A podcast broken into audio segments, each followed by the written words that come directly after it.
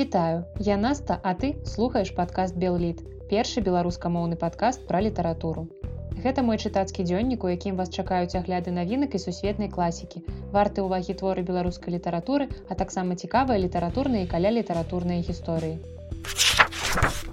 Адгрымелі парады і святкаванне дня перамогі і мне здаецца, што будзе вельмі дарэчы паразмаўляць пра кнігу, падзеі якой адбываюцца на фоне вайны. Праўда, не другой сусветнай, але больш працяглай.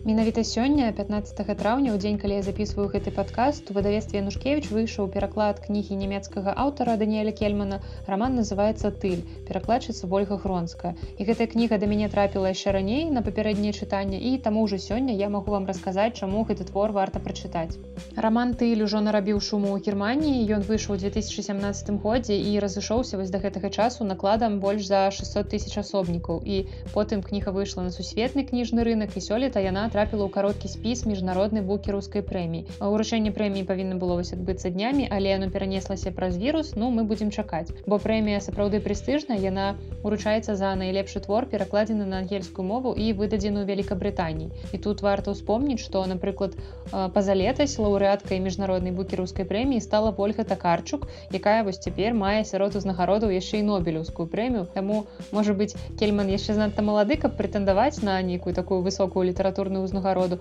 але ўжо цяпер у германії і нават за яе межамі яго называюць вундеркіндам і галоўнай надзеі нямецкай літаратуры дарэчы свой першы бестселлер ён напісаў даволі рана яму было 30 гадоў і гэта роман вымярэння свету і вось гэты роман ён стаў самым прадаваным нямецкамоўным романам з часоў парфумы патрика зюскінда якая выйшла яшчэ ў 85 годзе гэта атрымліваецца колькі 15 20 35 гадоў таму у меня трошки дрэнна з матэматыкай. Так атрымліваецца 35 гадоў таму выйшла парфума зюсткін да і вось нарэшце з'явіўся другі самы прадаваны нямецкамоўны роман дарэчы яшчэ ў 2006 годзе паводле за нью-йорк таймс роман кельмана вымярэння свету быў другім самым прадаваным романам у свеце. Ну атрымліваецца імя такое ўжо вядомае усе яго ведаюць. І кнігу можна знайсці ў рускім перакладзе под назвай измеряя мир атрымліваецца вось ужо у кельмана ёсць і лакальная і сусветная вядомасць і можна проста працягваць плённую літаратурную дзейнасць. І неяк так напружыцца працаваць каб нарэшце атрымаць і нобелеўскую прэмію Але ж вернемся да рамана да ўласна рамана тыль і пра што ж ён бо сапраўды назва тыль яна нейкая такая загадка. І мне напрыклад далёка не адразу ў галаву прыйшло імя знакамітага героя сярэднявечных нямецкіх легенд тыля ўленшпігеля і вось раман якраз пра яго. Гэта такая нейкая новая спроба апісаць жыццё гэтага незвычайнага персонажа яго неяк пераасэнсаваць і іншымі вачыма паглядзець на гэтую міфічную постаць Дарэчы, я тут падумала, што адзіны і першы тыль, які мне прыходзіць у галаву, калі я чую гэта імя, гэта ты Ліндеман, саліст гурту Рамштайн. І калі ў вас таксама так, то зараз вы абавязкова павінны паставіць лайк гэтаму выпуску. Падзеі ў рамане разгортваюцца падчас 30гадовай вайны гэта пачатак сярэдзіна 17 стагоддзя і атрымліваецца што кельман перамясціў тыля ў часе бо у класічных легендах пра тыля ён нарадзіўся на некалькі стагоддзяў раней дзейнічаў. І ў прынцыпе гэта раман гістарычны таму вам магчыма давядзецца ўзнавіць у памяці нейкія эпізоды і факты што гэта за 30гадовая вайна калі ідзе яна адбылася што было прычынай як яна ўвогуле працякала. І у прынцыпе каб атрымліваць задавальненне ад гэтай кніжкі спецыялістам з глыбокім глыбокім веданнем нямецкай гісторыі вам быць зусім не трэба вам хопіць просто артыкулу вкіпедыі открываеце прачыталі колькі радкоў пра тое што за вайна дзе адбывалася як паміж кім і гэтага абсалютна дастаткова каб чытаць гэтую кнігу і разумець яе цяпер звернемся да асобы тыля якім яго ў сваім творы выявіў кельман. Ён напісвае што тыль нарадзіўся ў сям'і млынара і гэтага млынара царква абвінаваціла ў штукарстве бо ён вельмі цікавіўся даследаваннем нашага свету і ягоныя погляды яны былі трошкі такія непрымальныя для царквы. І тыль быў вымушаны ўцекчы з родных мясцінаў праз гэта і ўжо ў малым узросце ён пачаў вандраваць па краіне. І такім чынам ён стаў своеасаблівым вандроўным артыстам такім штукаром можна сказаць што ён просто нейкі валацуга Кельман стварыў даволі яркага персонажа і пад уплывам тыля змяняецца просто ўсё вакол любая мясцовасць якую ён трапляе. Гэта яркія каларытныя прыгоды хаця здавалася б яны зусім не вяжуцца з вайною на фоне якой адбываюцца падзеі бо тыль ідзе праз мясцовасць якая спустошана вайной. Вось уявіце сабе 30 гадоў вайны што ў гэтых мясцінах адбываецца і тыль гэта менавіта той элемент на якім трымаецца ўся гісторыя. Ён аб'ядноўвае вельмі розных персонажаў і кельман спецыяльна гэта зрабіў спецыяльна абраў галоўным героем чалавека які мог адначасова мець сувязі і з кіруючымі коламі і з простымі людзьмі. Бо вось разам са сваімі кампаньёнамі з дзяўчыны неля і аслом які ўмее размаўляць тыль выступаў як для адных так і для другіх. І такім чынам тыль звязвае сюжэт Некаторыя героі кнігі выдуманыя, але сярод іх ёсць рэальныя гістарычныя асобы і гэта якраз вось пераважна кіруючыя колы. І ўсе персанажы яны расказваюць свае гісторыі, але нікому з гэтых персанажаў нельга давяраць, бо у кожнага ёсць свой погляд на падзеі і заўжды яны вельмі адрозныя. І вось гэта паказальнік таго, што зрабіла з людзьмі гэтая вайна, бо людзі пачалі верыць у вельмі дзіўныя рэчы і забіваць адно аднаго, калі іхняя вера ў гэтыя рэчы не супадае. У інтэрв'ю радыёвабода ольга гронская перакладчыца гэтай кнігі падкрэсліла што кельман не спрабаваў зрабіць мову гэтай кнігі нейкай архаічнай каб персанажы размаўлялі адпаведна таму стагоддзю якім яны знаходзяцца. І героі гэтай кнігі размаўляюць вельмі сучасна Хаця не так ужо сучасна, калі параўноўваць, напрыклад, з раманам лавар сучаснага расійскага пісьменніка Еўгена Вадаласкіна, бо там героі размаўляюць на нейкай такой мяшанцы старажытнай рускай мовы і сучаснай мовы. І прычым яшчэ выкарыстоўваюць сленг. І адна даследчыца, напрыклад, цікава характарызавала гэта так, што маўляў персанаж размаўляе то на чысцейшым древнерускам, то на сярэднесавецкам, то на ранне постінтэлігенцкам. І гэта ўсё, нягледзячы на тое, што падзеі ў творы адбываюцца ў 15-16 стагоддзі і ён стылізаваны пад жыційную літаратуру. Але гэта яшчэ не самае страшнае, што абурыла некаторых чытачоў, бо ў творы, напрыклад, з'яўляецца пластикавая бутэлька. І тут уже чытачы наракалі на выдавецтва, маўляў, гэта рэдактары так дрэнна працуюць, што гэта за недагляд такі. І аўтар таксама атрымаў за такія гістарычныя вольнасці. Але гэта ўсё ж такі цікавы літаратурны прыём. Ён паказвае, што ў прынцыпе ўсе падзеі ў рамане знаходзяцца па-за часам, бо сам аўтар акрэсліў жанр гэтага твора як не гістарычны раман і ў сувязі з гэтым успамінаецца адзін з апошніх эпізодаў гульні тронаў дзе ў кадр трапіў кубачак кавы здаецца гэта быў старбакс і хаця гэта была выпадковасць не нейкі рэжысёрскі ход але вось таксама ўсе былі абураныя. Хаця магчыма гэта быў такі хітры рэкламны ход. Прынцыпе хто ведае Дык вось у рамане тыль такога няма просто персонажы звычайна размаўляюць. І гэта дадае тэксту такой лёгкасці ў чытанні бо ён сапраўды чытаецца вельмі захапляльна і вось гэтая тэкставая лексічная лёгкасць яны спалучаюцца з прыгодамі герояў і чытаецца твор даволі хутка некалькімі словамі гэта роман можна апісаць так гэта сумесь гістарычнага рамана з фальклорнымі матывамі і нават фэнтэзійнымі элементамі бо там часам трошачки магія з'яўляецца роман нелінейны ён напісаны з пункту гледжання розных дзеючых асоб і гэта ўсё адбываецца на фоне жахлівых падзей вайны. І разам з героямі мы перамяшчаемся ў часе і прасторы і часам гэта можа трохі заблытваць, калі мы ўвогуле не разумеем, дзе мы знаходзімся, што адбываецца, але гэта ўсё добра паказвае сутнасць вайны, калі ўсё абсурдна і ніхто нічога не разумее. Кельман жанглюе эпізодамі кнігі, так як тылю рамане жанглюе на сваіх выступленнях і гэта вельмі свежы погляд на такія даўнія гістарычныя падзеі ўвогуле на еўрапейскую гісторыю. І гэта жахі вайны якія сталі абсалютна абсурднымі і крывавымі для простых людзей. У той жа час як для вышэйшых колаў гэта проста чарговая гульня за ўладу. І гэта той ты рамана пра вайну якія я люблю. Тут няма ніякіх салдатаў не паказваюцца ваенныя дзеянні толькі людзі са сваімі гісторыямі Дарэчы, мы тут назіраем вельмі рэдкі выпадак, калі беларусы знаёмяцца з папулярным сучасным раманам раней за сваіх суседзяў. Бо, напрыклад, у суседніх краінах, як Расея, Украіна, літва, гэты еўрапейскі бестселлер яшчэ не пераклалі. Але вось на беларускай мове ён ужо ёсць і можете чытаць. Даніэль Кельман, раман Тыль выйшаў сёлета ў выдавестве Янушкевіч пераклад ольгі гронскай. І тут я раптам заўважыла, што сённяшні выпуск падкаста ў нас атрымліваецца поўны розных узнагародаў. Хаця Даніэль Кельман сваю міжнародную букерускую прэмію яшчэ не атрымаў, але другі раман, пра які мы сёння пагаворым, прынёс свайму аўтару прэмію, але іншую прэмію пуліцарускую ў 2003 годзе. І гэта раман сярэдні пол амерыканскага пісьменніка Джефры Югенідзіса, які я чытала ў рускім перакладзе, ён выходзіў у выдавестве амфара ў 2003 годзе.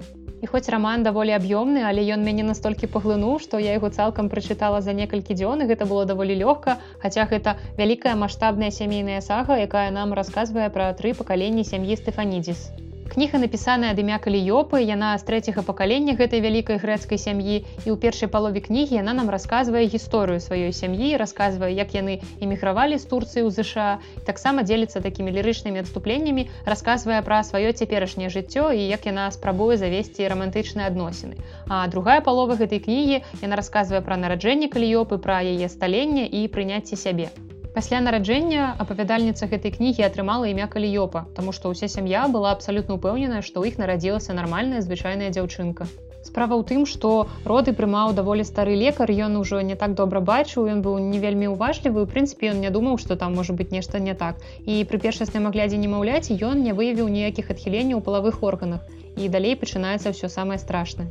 Усведамленне сваёй палавой ідэнтычнасці, разуменне таго, што існуюць людзі рознага полу, перыяд палавога саспявання. Вось праз усе гэтыя рэчы дзеці і так праходзяць вялікімі цяжкасцямі, асабліва дзяўчынкі. І калі, напрыклад, усе аднакласніцы яны сыходзяць на летнія канікулы аднолькава плоскімі, а вяртаюцца ў верасні з аб'ёмнымі бюстамі. І ты вось слёзна просіш маці купіць табе бюстгальтер, каб хаця б трошкі ваты туды падкласці. І калі прыходзіць першыя менструацыі, табе здаецца, што ты паміраеш. І калі раптам хлапчукі ў класе ўжо не выглядаюць нейкімі пачварамі і ты пачынаеш звяртаць на іх увагу. Праз усё гэта таксама праходзіць і каліёпа, толькі вось у яе ніяк не пачынаюцца менструацыі, хаця ёй ужо 15 гадоў. І да таго ж яе да хлопчыкаў зусім не цягне, яе больш цягне да дзяўчынак. І яна адчувае нейкія вельмі дзіўныя болі ў пахвіне.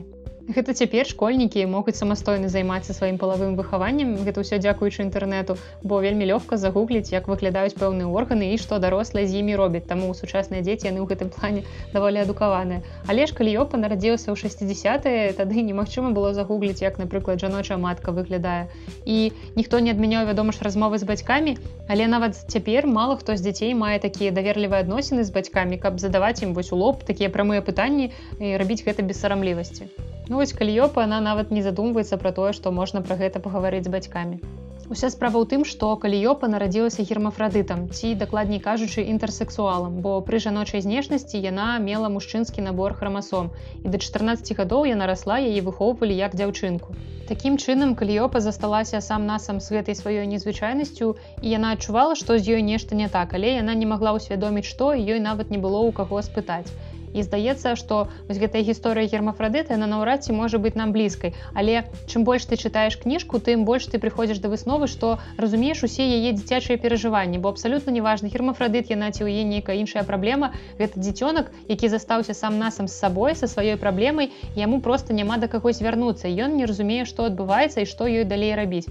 Таму тут такія даволі універсальныя перажыванні якія ў прынцыпе могуць быць знаёмыя кожнаму з вас з дзяцінства калі я чытала кнігу то мне здавалася што гэта гісторыя аўтабіяграфічная бо аўтар вельмі глыбока пагрузіўся ў псіхалогію галоўнага героя. Ён нібыта выказваў кнізе свае адчуванні і перажыванні. І кніга вельмі падрабязная анатамічна таму калі вы цікавіцеся медыцынай нейкімі мастацкімі кнігамі пра медыцыну то я раю вам звярнуць увагу на гэтую кнігу. Аўтар закранае ў творы таксама вельмі цікавую тэму гэта супрацьстаянне сацыя генетызму і біягенетызму. І гэтая тэма яна шырока абмяркоўвалася ў мінулым стагоддзі да канца 70-х гадоў яны абмяркоўвалі што важней у развіцці дзіцяці гэта соцыум або біялогія і калі напрыклад хлопчыка гадаваць як дзяўчынку ці стане ён ад гэтага дзяўчынкай. І які ўплыў на ўсё гэта мае кровазмяшэнне. Бо каліёпа яна стала вынікам кровазмяшальнай генетычнай гісторыі яе бабулі і дзед яны траюраныя брат і сястра. І вось бабуля у творы да старасці была перакананая што дзесьці ім гэта дакладна адгукнецца калі не ў дзецях так ва ўнуках. Яна заўжды чакала нейкага падвоху і вось можна сказаць у прынцыпе дачакалася кніга даволі актуальна ў наш час калі розныя варыянты гендернай самаідэнтыфікацыі хоць і выклікаюць пэўныя спрэчкі дагэтуль але яны ўжо больш цывілізаваныя. Хаця прадстаўнікі некаторых канфесій дагэтуль прапануюць спальваць на вогнішчы людзей нетрадыцыйнай арыентацыі Да таго ж кніга яна даволі маштабная маштабнае гістарычнае палатно якое ахоплівае амаль усё 20 стагоддзя ад другой грэка-турэцкай вайны адкуль збегла сям'я стефанідзіс да заняпаду ў некалі сталіцы аўтамабільнай прамысловасці ЗША горада Дэтройта. Гэта сямейная драма якая сапраўды ўражвае яна закранае шырокі спектр пытанняў ад сталення да эміграцыі ад сямейных адносін да інцэсту і гісторыі ЗША 20 стагоддзя. І тут вельмі жывыя персонажы вельмі каларытная грэцкая сям'я і цудоўны апавядальнік. Таму я вельмі раю вам вам кнігу калі вы не маеце нейкіх гендерных прадузятасцяў і думаеце шырэй. І ў канцы сённяшняга выпуску каб дадаць трошачки такога перцу нібыта мне было яго мала ў гісторыі пра вайну гермафрадыта я вам раскажу такую трошки жахлівую з аднаго боку а з іншага даволі гумарыстычную гісторыю якая адбылася з адным кітайскім пісьменнікам чытала я гэтую гісторыю на адным з польскіх сайтаў там імя гэтага пісьменніка было напісанае лацінкай таму я не асабліва уяўляю як яе правільна вымавіць нешта накшталт лю йонг бяў і для простасці я конечно ж скарачу яго просто далю і вось гэты пісьменнік лю ён нарадзіўся ў беднай сям'і але ён самага дзяцінства цікавіўся пісьменніцтвам пісьменніцкай дзейнасцю і ў 21 год першы ягоны твор быў надрукаваны ў газеце і адразу ж яму далі нейкую там літаратурную ўзнагароду відаць некую не вельмі значную бо вялікага поспеху поспеху ён не атрымаў пасля гэтай узнагароды. Пасля гэтага Лю ажаніўся, у яго неяк здаецца стала складвацца ў жыцці ўсё добра, нарадзілася дачка і трэба было гэтую сям'ю утрымліваць. Але тут раптам у дачкі знайшліся праблемы са здароўем, якія патрабавалі вялікіх тратаў на лекі. І зразумела, што кар'еру літаратара давялося трохі адкласці ў бок і знайсці нармальную стабільную працу. Пісаць, вядома, шлю не перастаў, ён нават часам друкаваўся ў газетах, але вось працы ў яго хутка не стала, таму што пачаўся крызіс. І на ўсё гэта наклалася аперацыя дачкі, на якую патрабавалася вельмі шмат грошай. І тут раптам абсалютна выпадкова Лю сустрэў свайго сябра дзяцінства ванха і разам з ім ён пачаў злоўжываць алкаголем. А пасля гэтага ў стане алкагольнага ап'янення яны шмат буянілі і нават здзяйснялі дробныя злачынствы. І вось тут пачынаецца ўся гісторыя, якая змяніла жыццё Лю. У 95 годзе Лю Іванг паехалі ў суседнюю правінцыю і пасяліліся ў гатэлі. І там іх увагу прыцягнуў добра апрануты мужчына і рабяткі вырашылі зарабіць так бы мовіць лёгкіх грошай вырашылі яго абакрасці. Не буду расказваць гэтую гісторыю цалкам, але ў выніку былі забітыя чатыры чалавекі. Гэты мужчына і таксама трое сведкаў, якія знаходзіліся ў гатэлі. І лю з сябрам яны зніклі, з'ехалі і засталіся безнаказанымі ажно на 20 гадоў. Зразумела, што пэўныя зрызоты сумлення пасля ўсёй гэтай сітуацыі ў лю былі, але ён нават не планаваў, не думаў, што трэба ісці і прызнацца. І вось такім чынам літаратура стала для яго пэўнай тэрапіяй. Бо праз 10 гадоў пасля гэтага выйшаў яго першы зборнік апавяданняў і ён нарэшце прынёс яму доўгачаканую славу. Далей для лю ўсё пачало складвацца даволі гладзенька, бо ён і ўзнагароды розныя пачаў атрымліваць яго таксама ў саюз пісьменнікаў прынялі у партыю прынялі ён стаў выдаваць новыя кнігі і ён нібыта сам адчуваў, што яго вось-вось зловіць і ён нібыта сам даваў паліцыі розныя намёкі. Напрыклад, у прадмове да аднаго свайго рамана ён сказаў, што хоча напісаць гісторыю пра пісьменніка, які пазбегнуў пакарання за забойства. І вось толькі ў 2017 годзе пры дапамозе сучасных тэхналогій лю нарэшце злавілі. Яны супаставілі аналіз ДНК з цыгарэты, якую знайшлі на месцы злачынства і сліну лю. І лю сам быў вельмі рады, што ўсё гэта раскрылася, бо ўяўляеце, як яму ўсё жыццё было жыць са сэнсаваннем таго, што ён забойца. Мера пакарання аказалася найвышэйшай гэта смерць і лю сам казаў, што за тое, што ён здзейсніў, ён заслугоўвае сотню смерцяў. Але вельмі сумна і шкада, што свой талент ён пахаваў вось такім трагічным чынам. І каб скончыць на вясёлай ноце мараль гэтай гісторыі такая. Калі вы пісьменнік і забілі кагосьці, то калі ласка, я вас малю, не пішыце пра гэта ў сваіх кніжках, калі вы хочаце пазбегнуць пакарання за забойства. І на гэтым я завяршаю сённяшні выпуск падкаста, які атрымаўся такім даволі трагікамічным і нагадваю, што спасылкі на ўсе кнігі, а таксама на мой тэлеграм-канал пра беларускую літаратуру вы можете знайсці ў апісанні да гэтага выпуска. А з вами была Наста і падкаст Белліт. Да сустрэчы.